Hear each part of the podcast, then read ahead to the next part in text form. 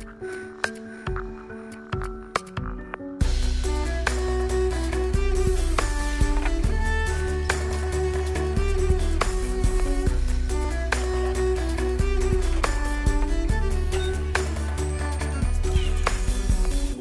alle sammen. Velkommen til en ny episode av Nerve eh, med meg, Tone Sabro. Og nå måtte jeg bare kjappe meg hjem og trykke på go live og record eh, med en gang. Få for å se om vi får gjort dette her. Jeg tror jeg bare må gjøre dette her med en gang. Eh, jeg Jeg er nå akkurat kommet eh, hjem, eh, rett hjem fra Oslo tingrett. Eh, og jeg eh, eh, Ja, klokken er jo ikke mye ennå, men for meg så har det jo gått en hel dag, på en måte. Klokka er jo ikke mer enn eh, litt over halv ett på ettermiddagen.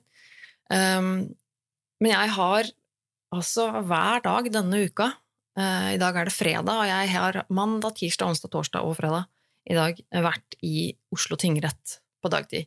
Um, jeg skal komme litt tilbake til det, men eh, men det har, eh, det har vært en, en rar og, eh, overraskende utfordrende uke.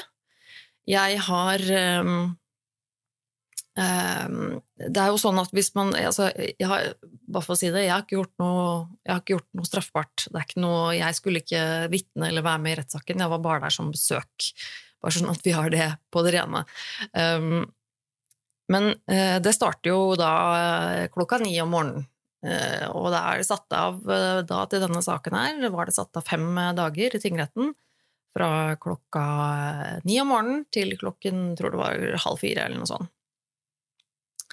Og det betyr jo at jeg må Apropos døgnrytme, som jeg snakket om her nylig i denne podkasten, så er jo det en Det krever jo da at jeg snur litt om på døgnet mitt, da, for å si det sånn. Um, og hvis jeg skal være der i tingretten klokka ni, senest klokka ni, for retten settes klokka ni, du skal helst være der eh, sånn at du er innafor døra før det, um, så må jeg stå opp eh, klokka sju, da. Jeg skal jo spise frokost, jeg skal gå tur med hunden min, jeg skal ordne meg og komme meg opp på senga, ikke minst. Det tar jo litt eh, tid, bare det. Um, men Så jeg må stå opp da klokka sju. Og det er jo sikkert ikke så veldig uvanlig, tror jeg, for de fleste mennesker som er oppegående og som har en vanlig 8-4-jobb, og små barn og sånn sikkert, hvert fall. De står jo opp eh, sikkert før det også, klokka sju om morgenen.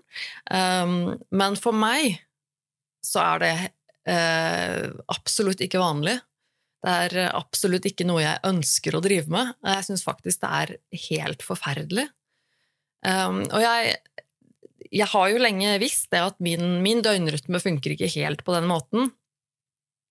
Eh, Men jeg tenker jo at altså, jeg har jo klart det her før. Jeg har jo hatt uh, jobber i mitt liv, og jeg har gått på skole og sånne ting, så jeg, jeg har jo på en måte også hatt perioder i livet hvor jeg har mått, måttet stå opp tidlig og komme meg ut tidlig, og da har jeg jo klart det.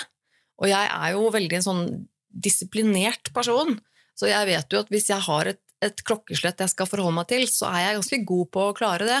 Da må jeg bare stå opp, da, for det er liksom eh, ja, det, er de, disse reglene og eh, tvangspreget i meg som er veldig rigid på, på sånne ting. Det, det hjelper meg jo sånn sett. Eh, Men det gjør det jo ikke noe lettere. Altså, det, gjør det, ikke, det gjør ikke hele opplevelsen noe bedre, for å si det sånn. Eh, Så eh, det var eh, en helt sånn eh, surrealistisk opplevelse, nesten. Jeg tror det var på Jeg tror det var på tirsdag kveld. Da hadde jeg altså stått opp tidlig eh, både mandag og tirsdag, og da selvfølgelig også må jeg jo legge meg til en litt fornuftig tid, da. Eh, men da, da jeg gikk og la meg da, på, på tirsdag kveld, i ellevetiden eller noe sånt, så, så var det altså eh, en sånn utrolig sterk følelse av at, eh, at dette her, det går jo ikke. For at eh, inni meg så føltes det ut som om jeg hadde holdt på med det en uke. Og så var det bare på dag to. Jeg var liksom ferdig med dag to av fem. For jeg hadde på en måte bestemt meg for at jeg ville gå alle fem dagene, eller jeg ville, ville veldig, veldig gjerne klare det. Og jeg tenkte bare dette her klarer jeg jo ikke. Jeg kjenner jo, Nå kjennes det jo ut som jeg har ikke sovet og, og, og vært Altså i en uke Altså, dette her er jo helt ja, nei, det, det, var helt forferdelig. Um, og jeg sliter med å sovne.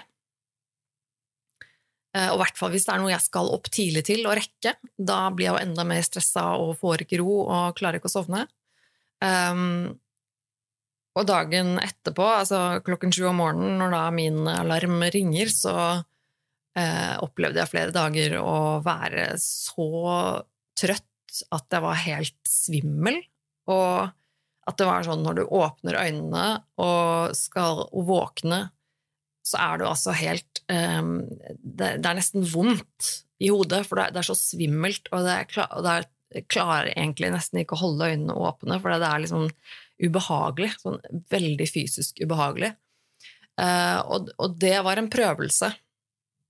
Virkelig. Uh, og dette Altså, dette ukesprosjektet mitt da, med å møte opp i tingretten, det har jo vært noe jeg gjør helt, helt frivillig.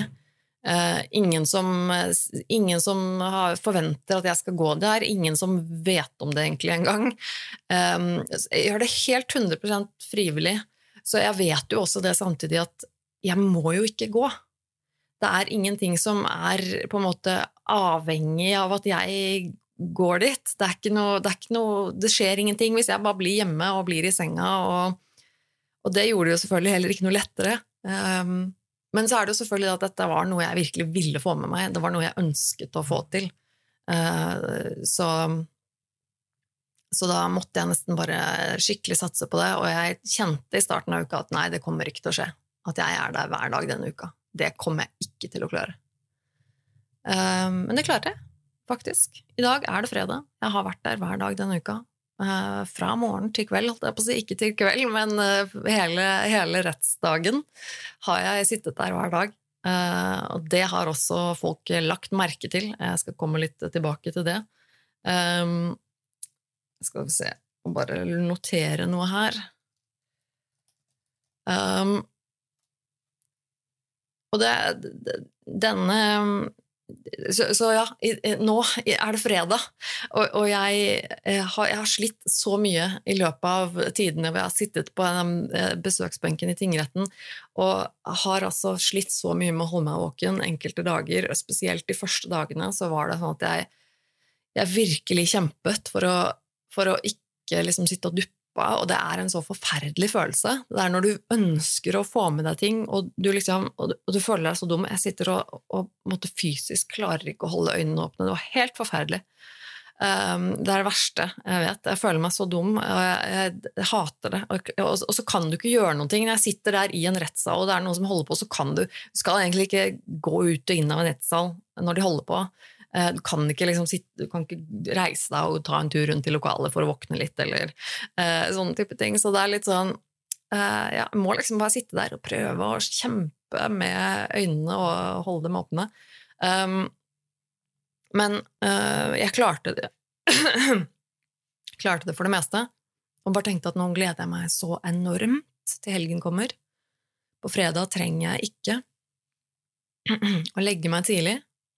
Jeg trenger ikke å holde meg våken hele dagen engang. Jeg kan sove hvis jeg vil det.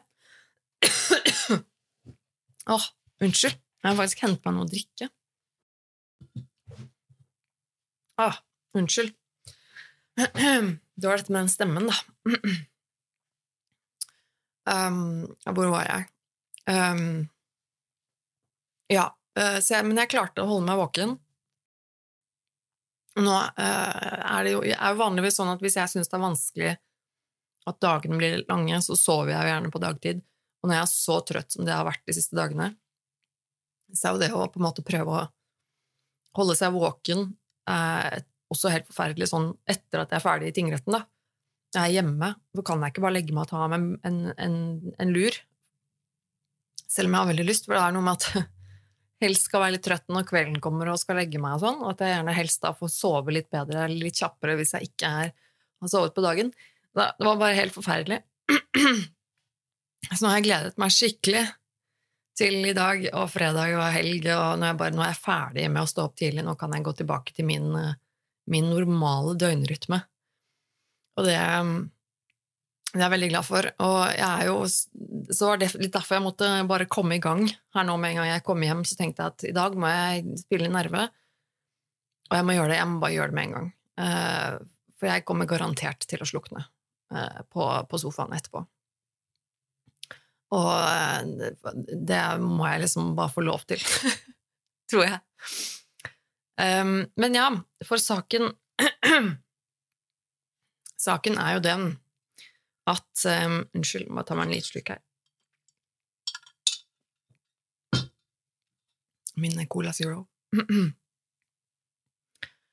Fordi denne uken um, har det vært en uh, sak i Oslo tingrett uh, som jeg har hatt veldig stor interesse av å følge med på. Det gjelder uh, saken til Stig Millehaugen,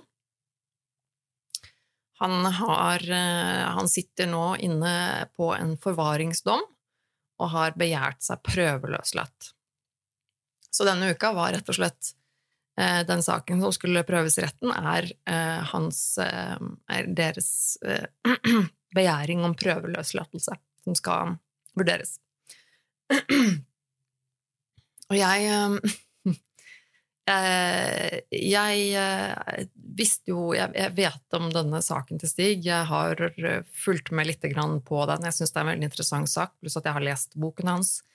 Um, så da dette kom Det jeg tilfeldigvis så det i avisen, at liksom nå skal den opp i, opp i retten, og den går for åpne dører, så var det sånn Oi, kanskje jeg bare skal gå? Det er jo her i Oslo.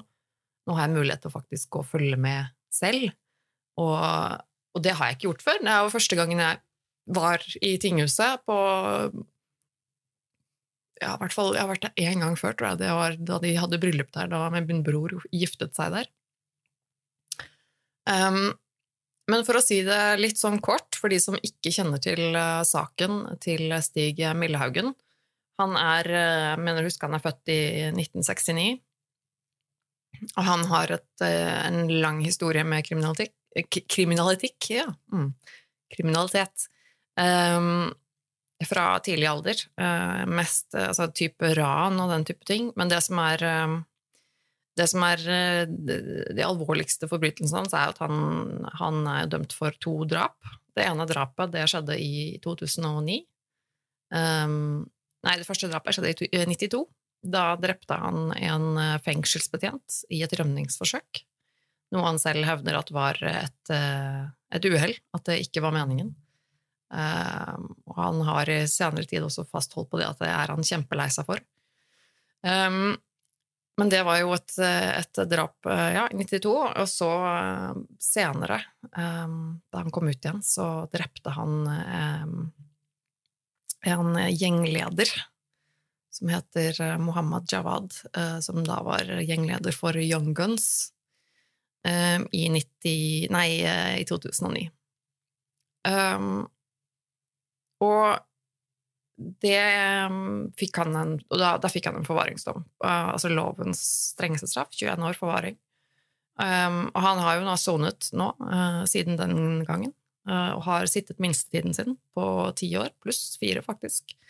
Um, som nå er grunnen til at han ønsker seg Han begjærer seg prøveløslatt. Um, og det er jo også noe med at det, skal jo vurderes helhetlig, uh, mye av dette. En sånn sak når, noen uh, mener at de er rehabilitert nok til å komme seg ut av fengsel.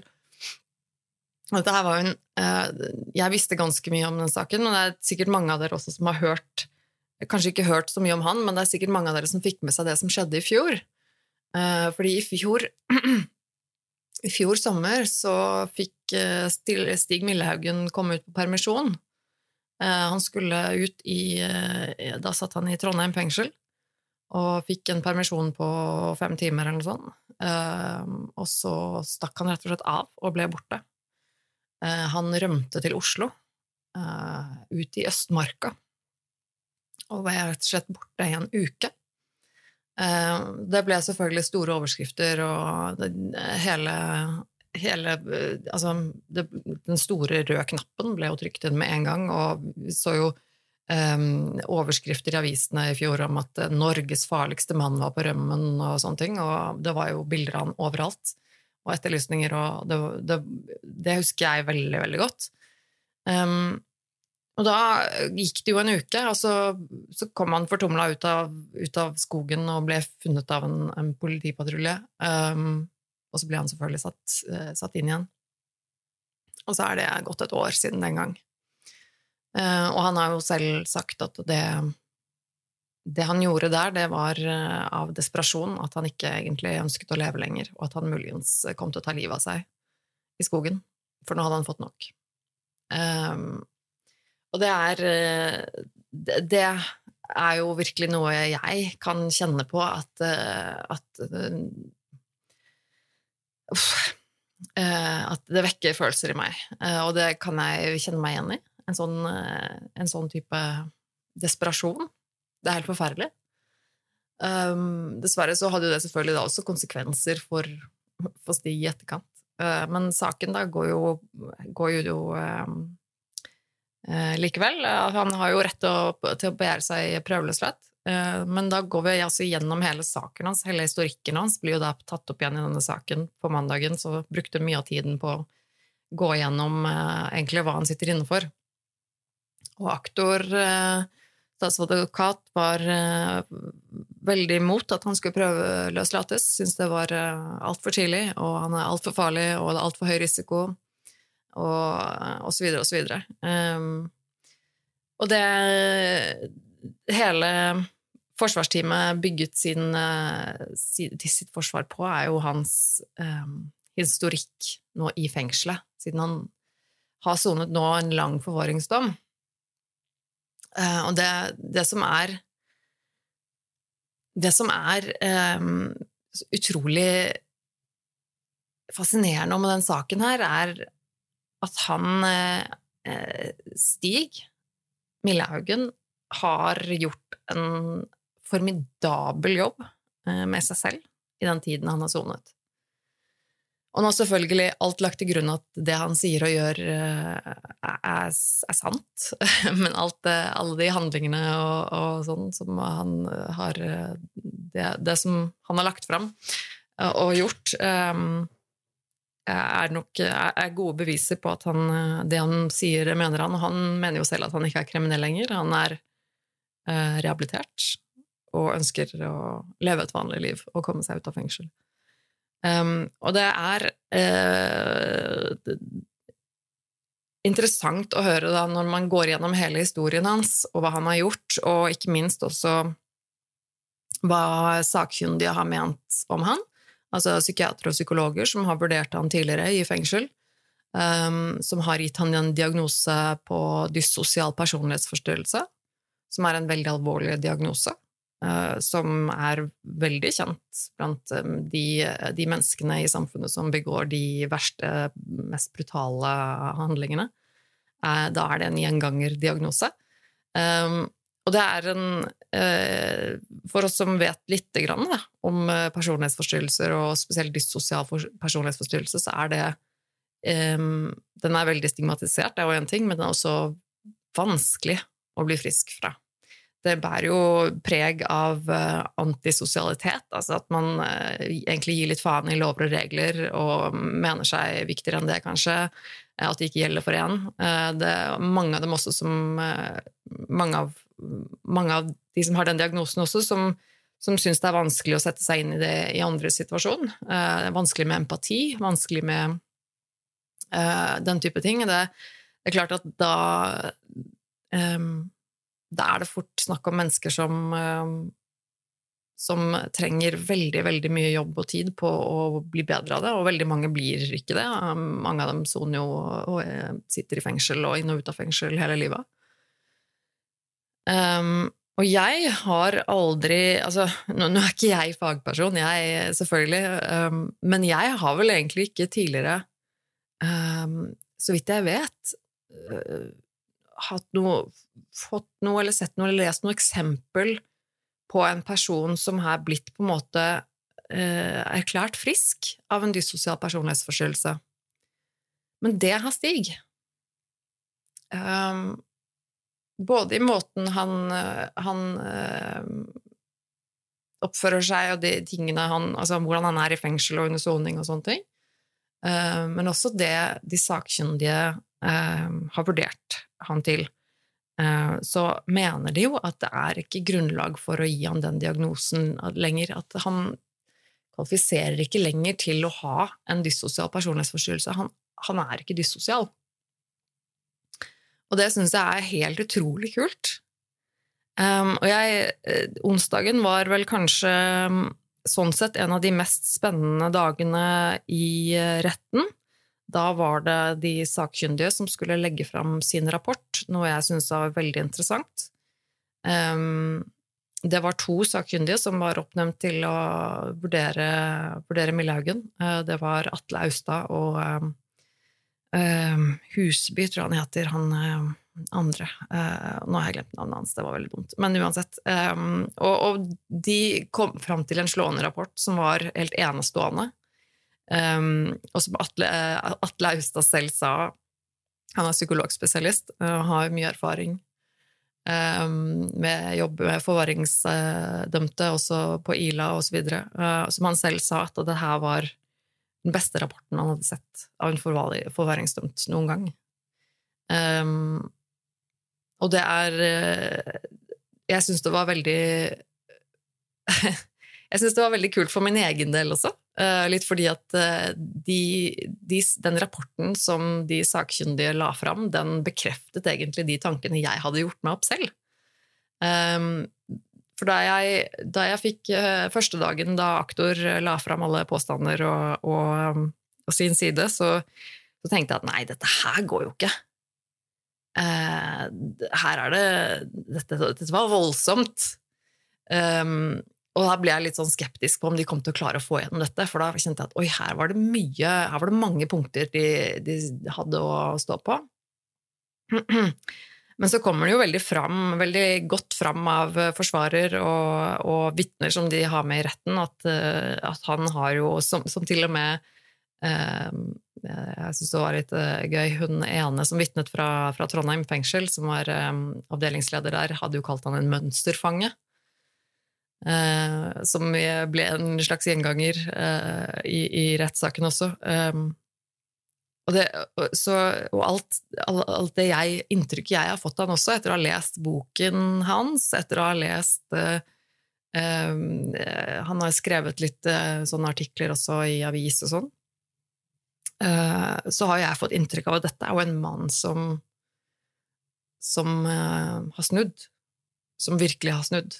Som har gått fra å leve av kriminalitet og ønske å være ønske å være den beste, flinkeste kriminelle raneren og, i, i, hele miljøet, til, til, å gå til en person som, eh, som ønsker det rake motsetningen. Som ønsker å Eh, leve et fredelig liv og eh, mener at alt det han har gjort, er galt, og har oppriktig uh, anger og empati for de menneskene han har traumatisert og drept. Uh, og, det, um, og, det, er lett å på en måte Man kan si at ja, men det er lett å si de riktige tingene, og det er lett å late som og Ja, til en viss grad så er det det. Uh, og det er mye man kan si, mye man tenker at det er det riktige man skal si for å komme seg ut. Og sånne ting, og det er også ting som blir tatt opp i denne rettssaken. at Hvordan vet man det? At ikke han bare sier det han tror han skal si.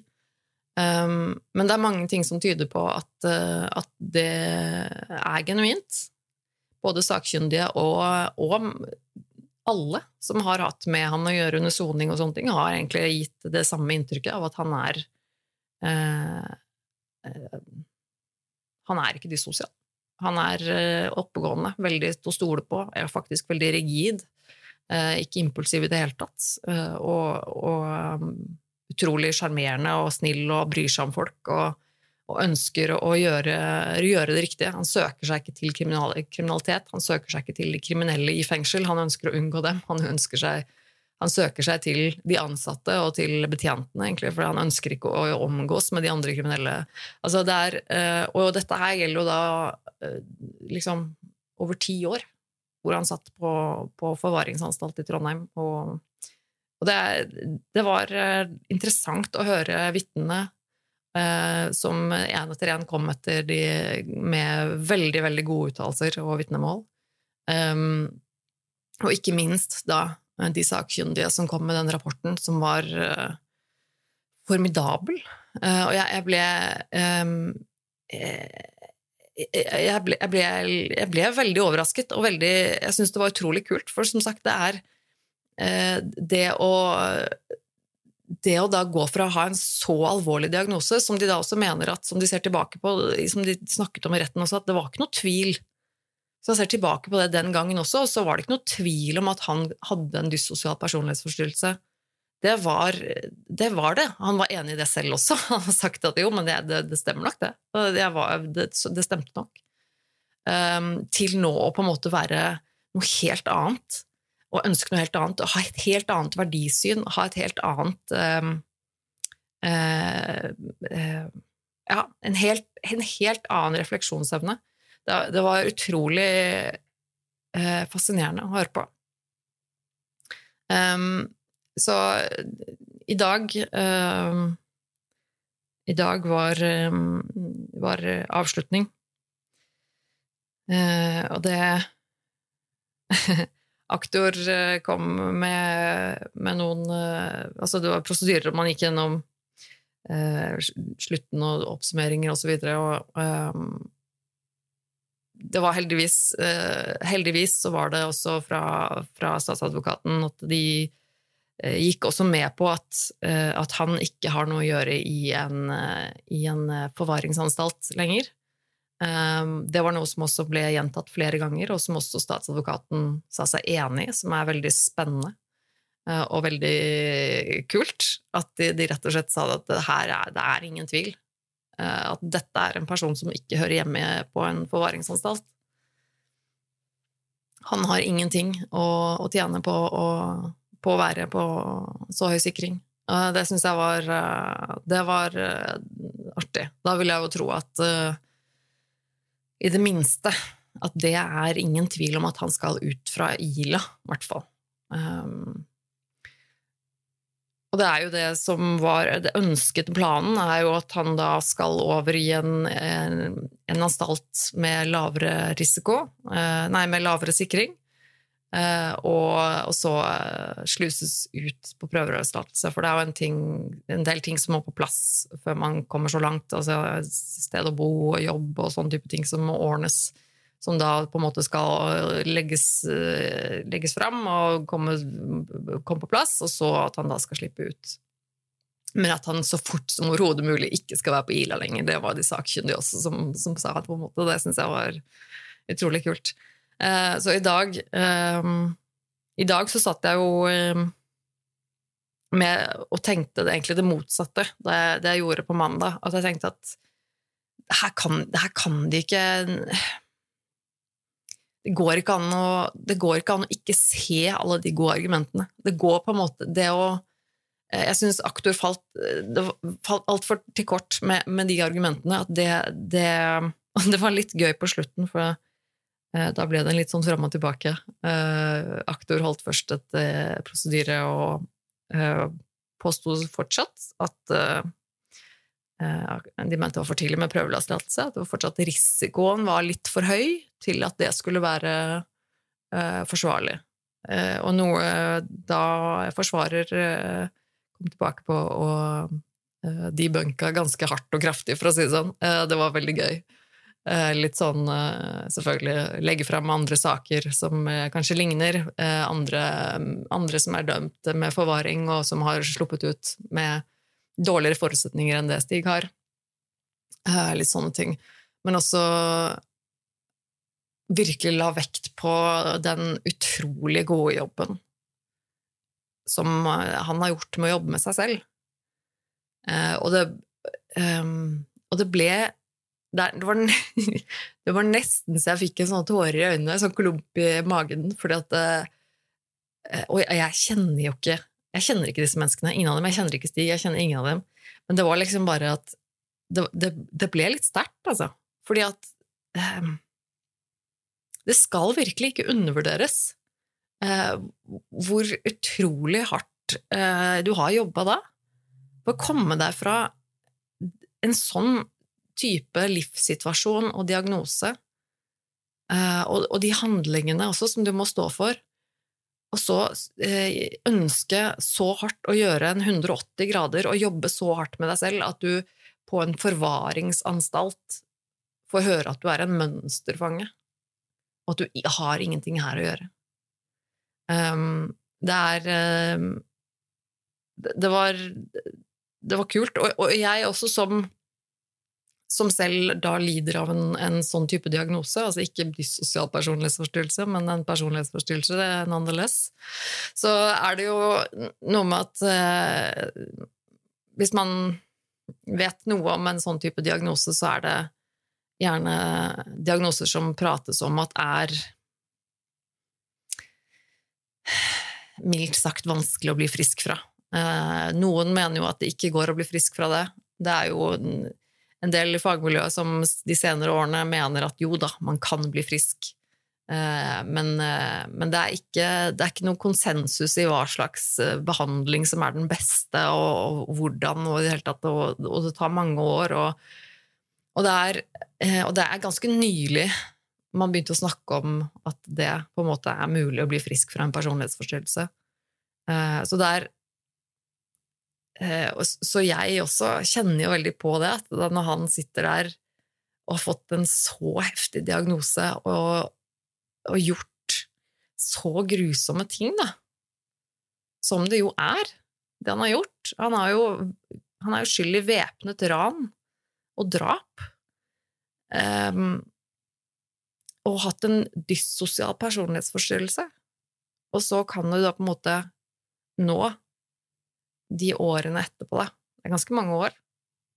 Men han sitter jo der nå og kan legge fram bevis etter bevis etter bevis på at han har rehabilitert seg. Og jeg som da har eh, Ja, jeg fikk jo min diagnose personlighetsforstyrrelse i 2017 2017-2018. Eh, ja, det var vel i slutten av 2017. Så 2018, 2019, 2020, 2021, 2022 Fem år, da.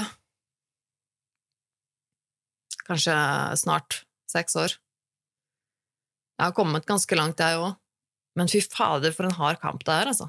Det er så jævlig hardt arbeid. Det er en sånn Det er så Det er så, det er så tøft og en så hard jobb som du på en måte ikke kan ha noen forutsetninger for å forstå hvis du ikke har selv lidd av en sånn type lidelse.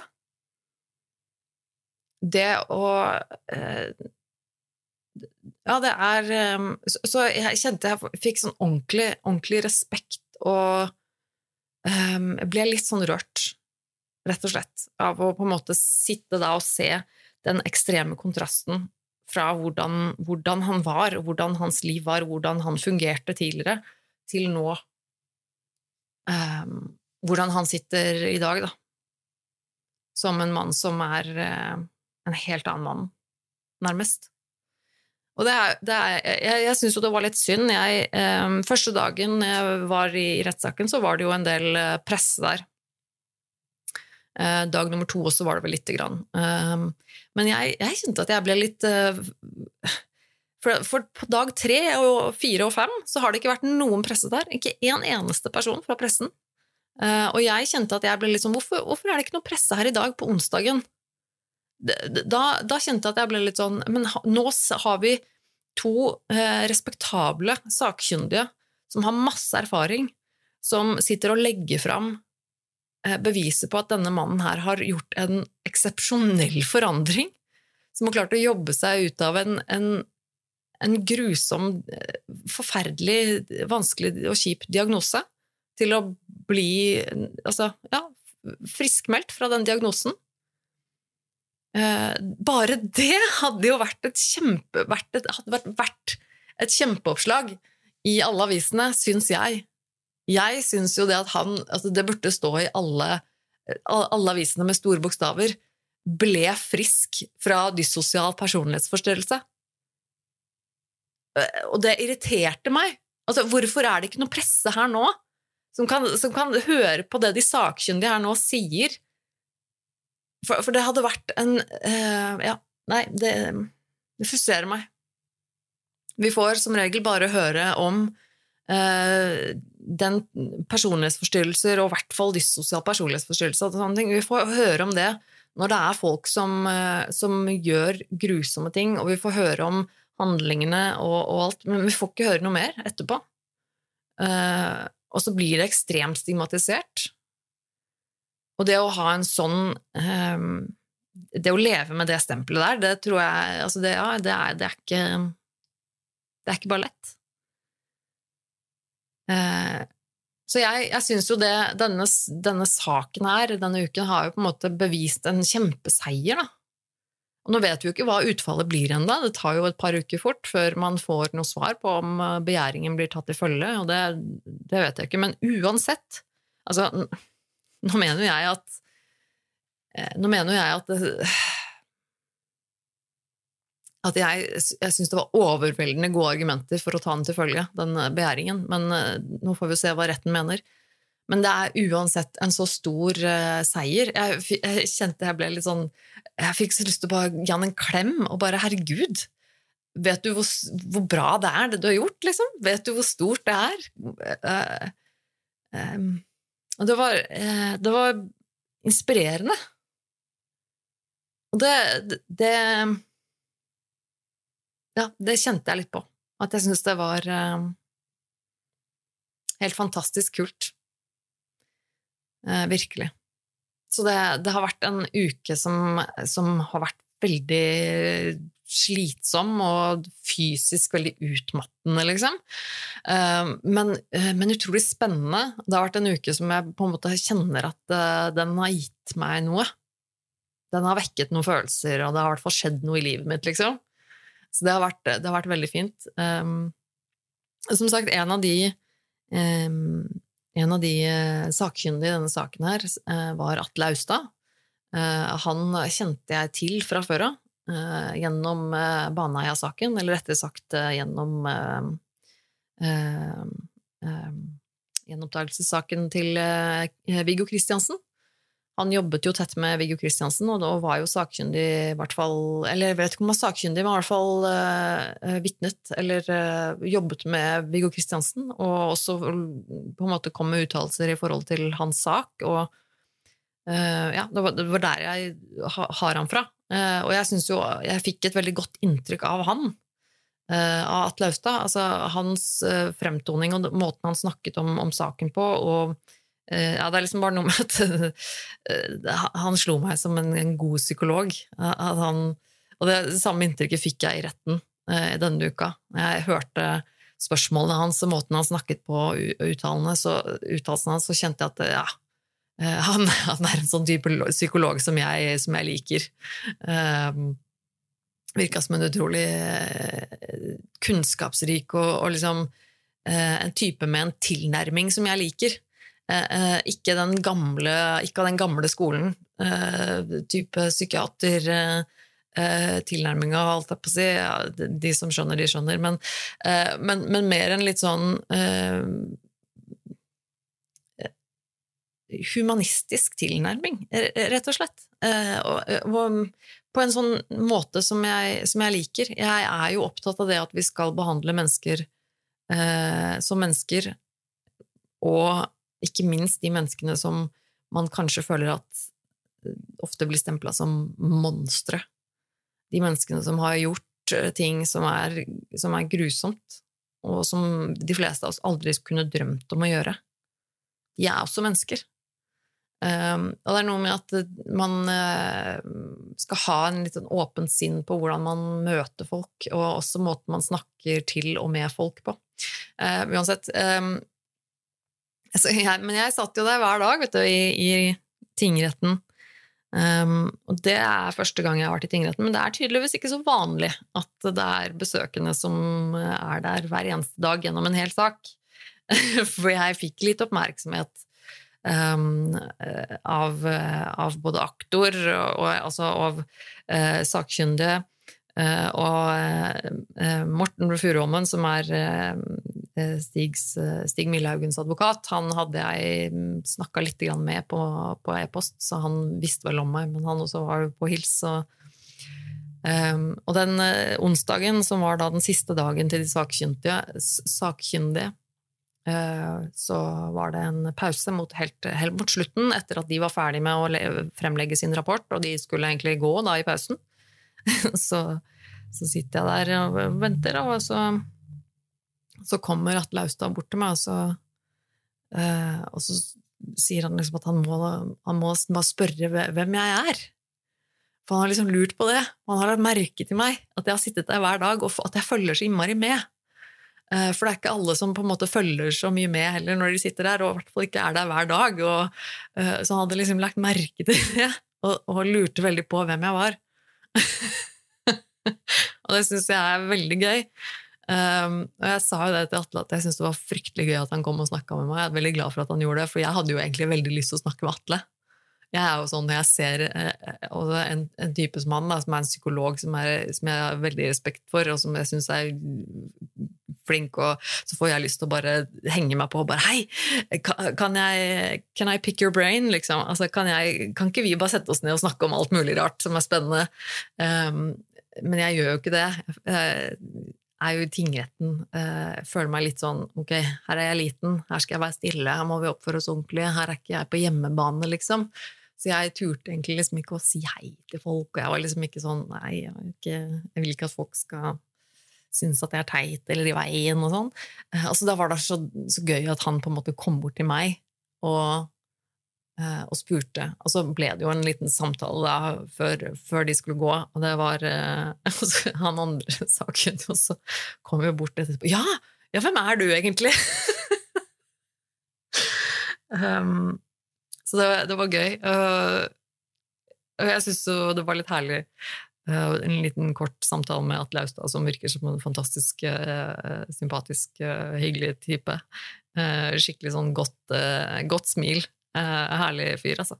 Så vi måtte nesten måtte, men, det, men, det, er litt sånn rart, for når jeg får spørsmålet liksom, så, ja, men hvem, hvem, er du egentlig? Hva gjør du her? Så jeg er jo litt sånn um, Jeg er ingen, egentlig. jeg er bare her fordi jeg har lyst.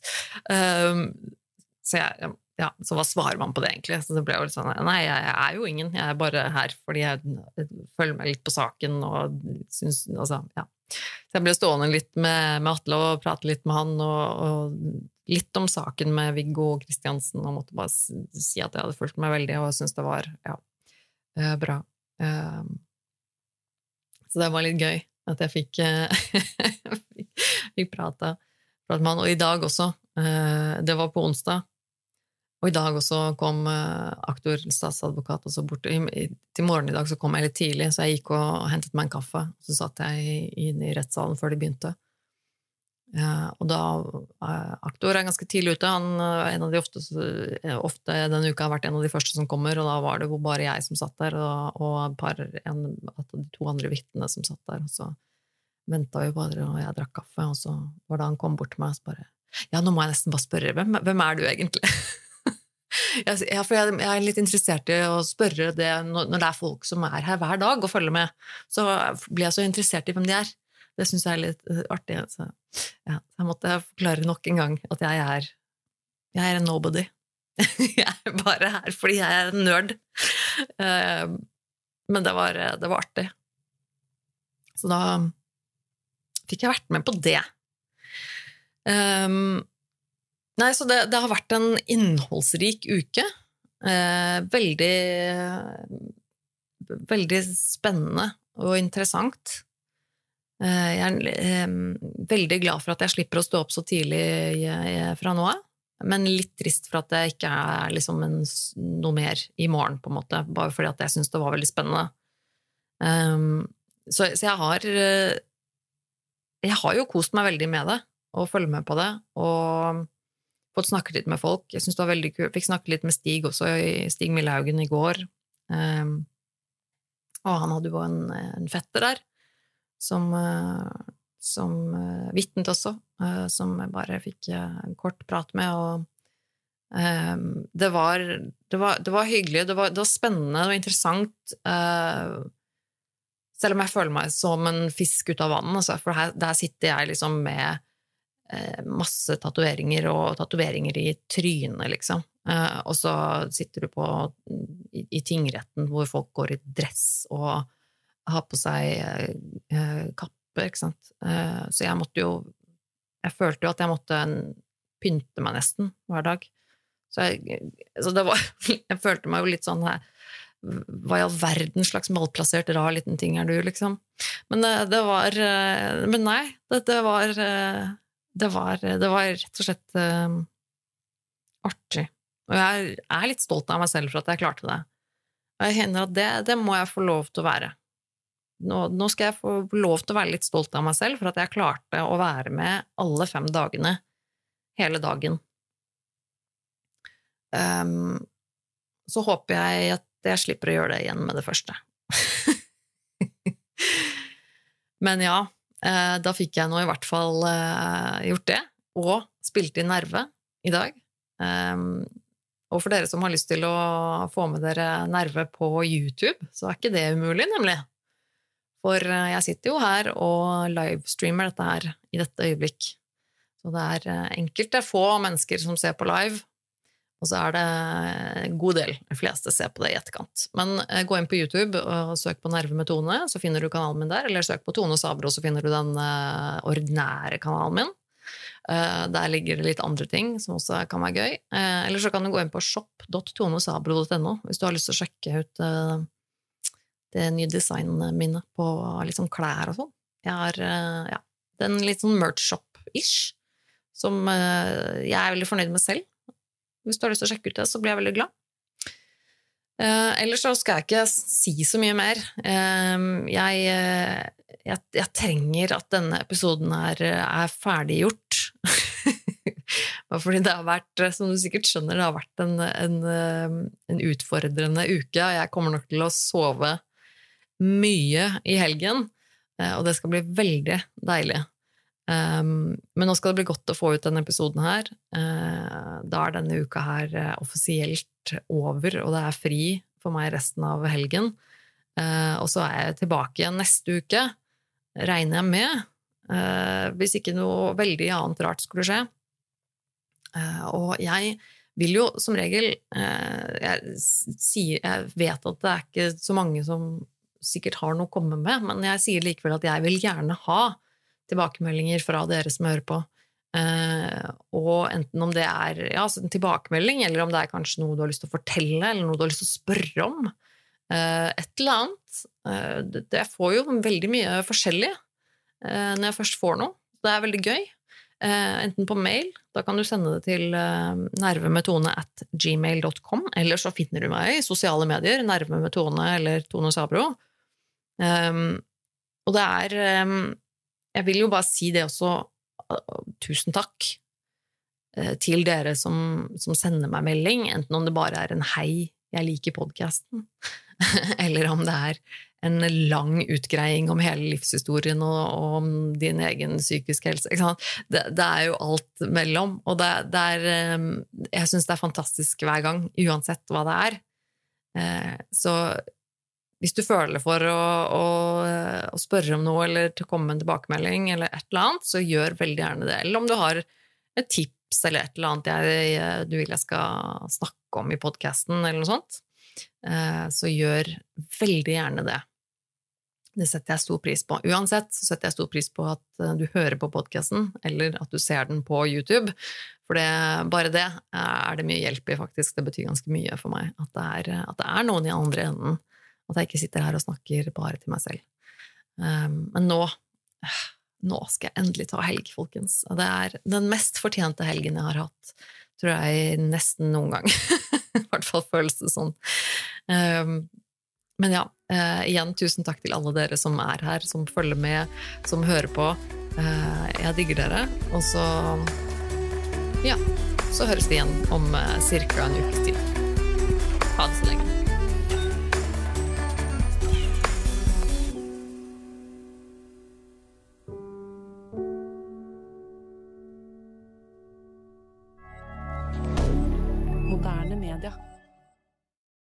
Har du et enkeltpersonforetak eller en liten bedrift? Da er du sikkert lei av å høre meg snakke om hvor enkelt det er med kvitteringer og bilag i fiken, så vi eh, gir oss her, vi. Fordi vi liker enkelt. Fiken superenkelt regnskap.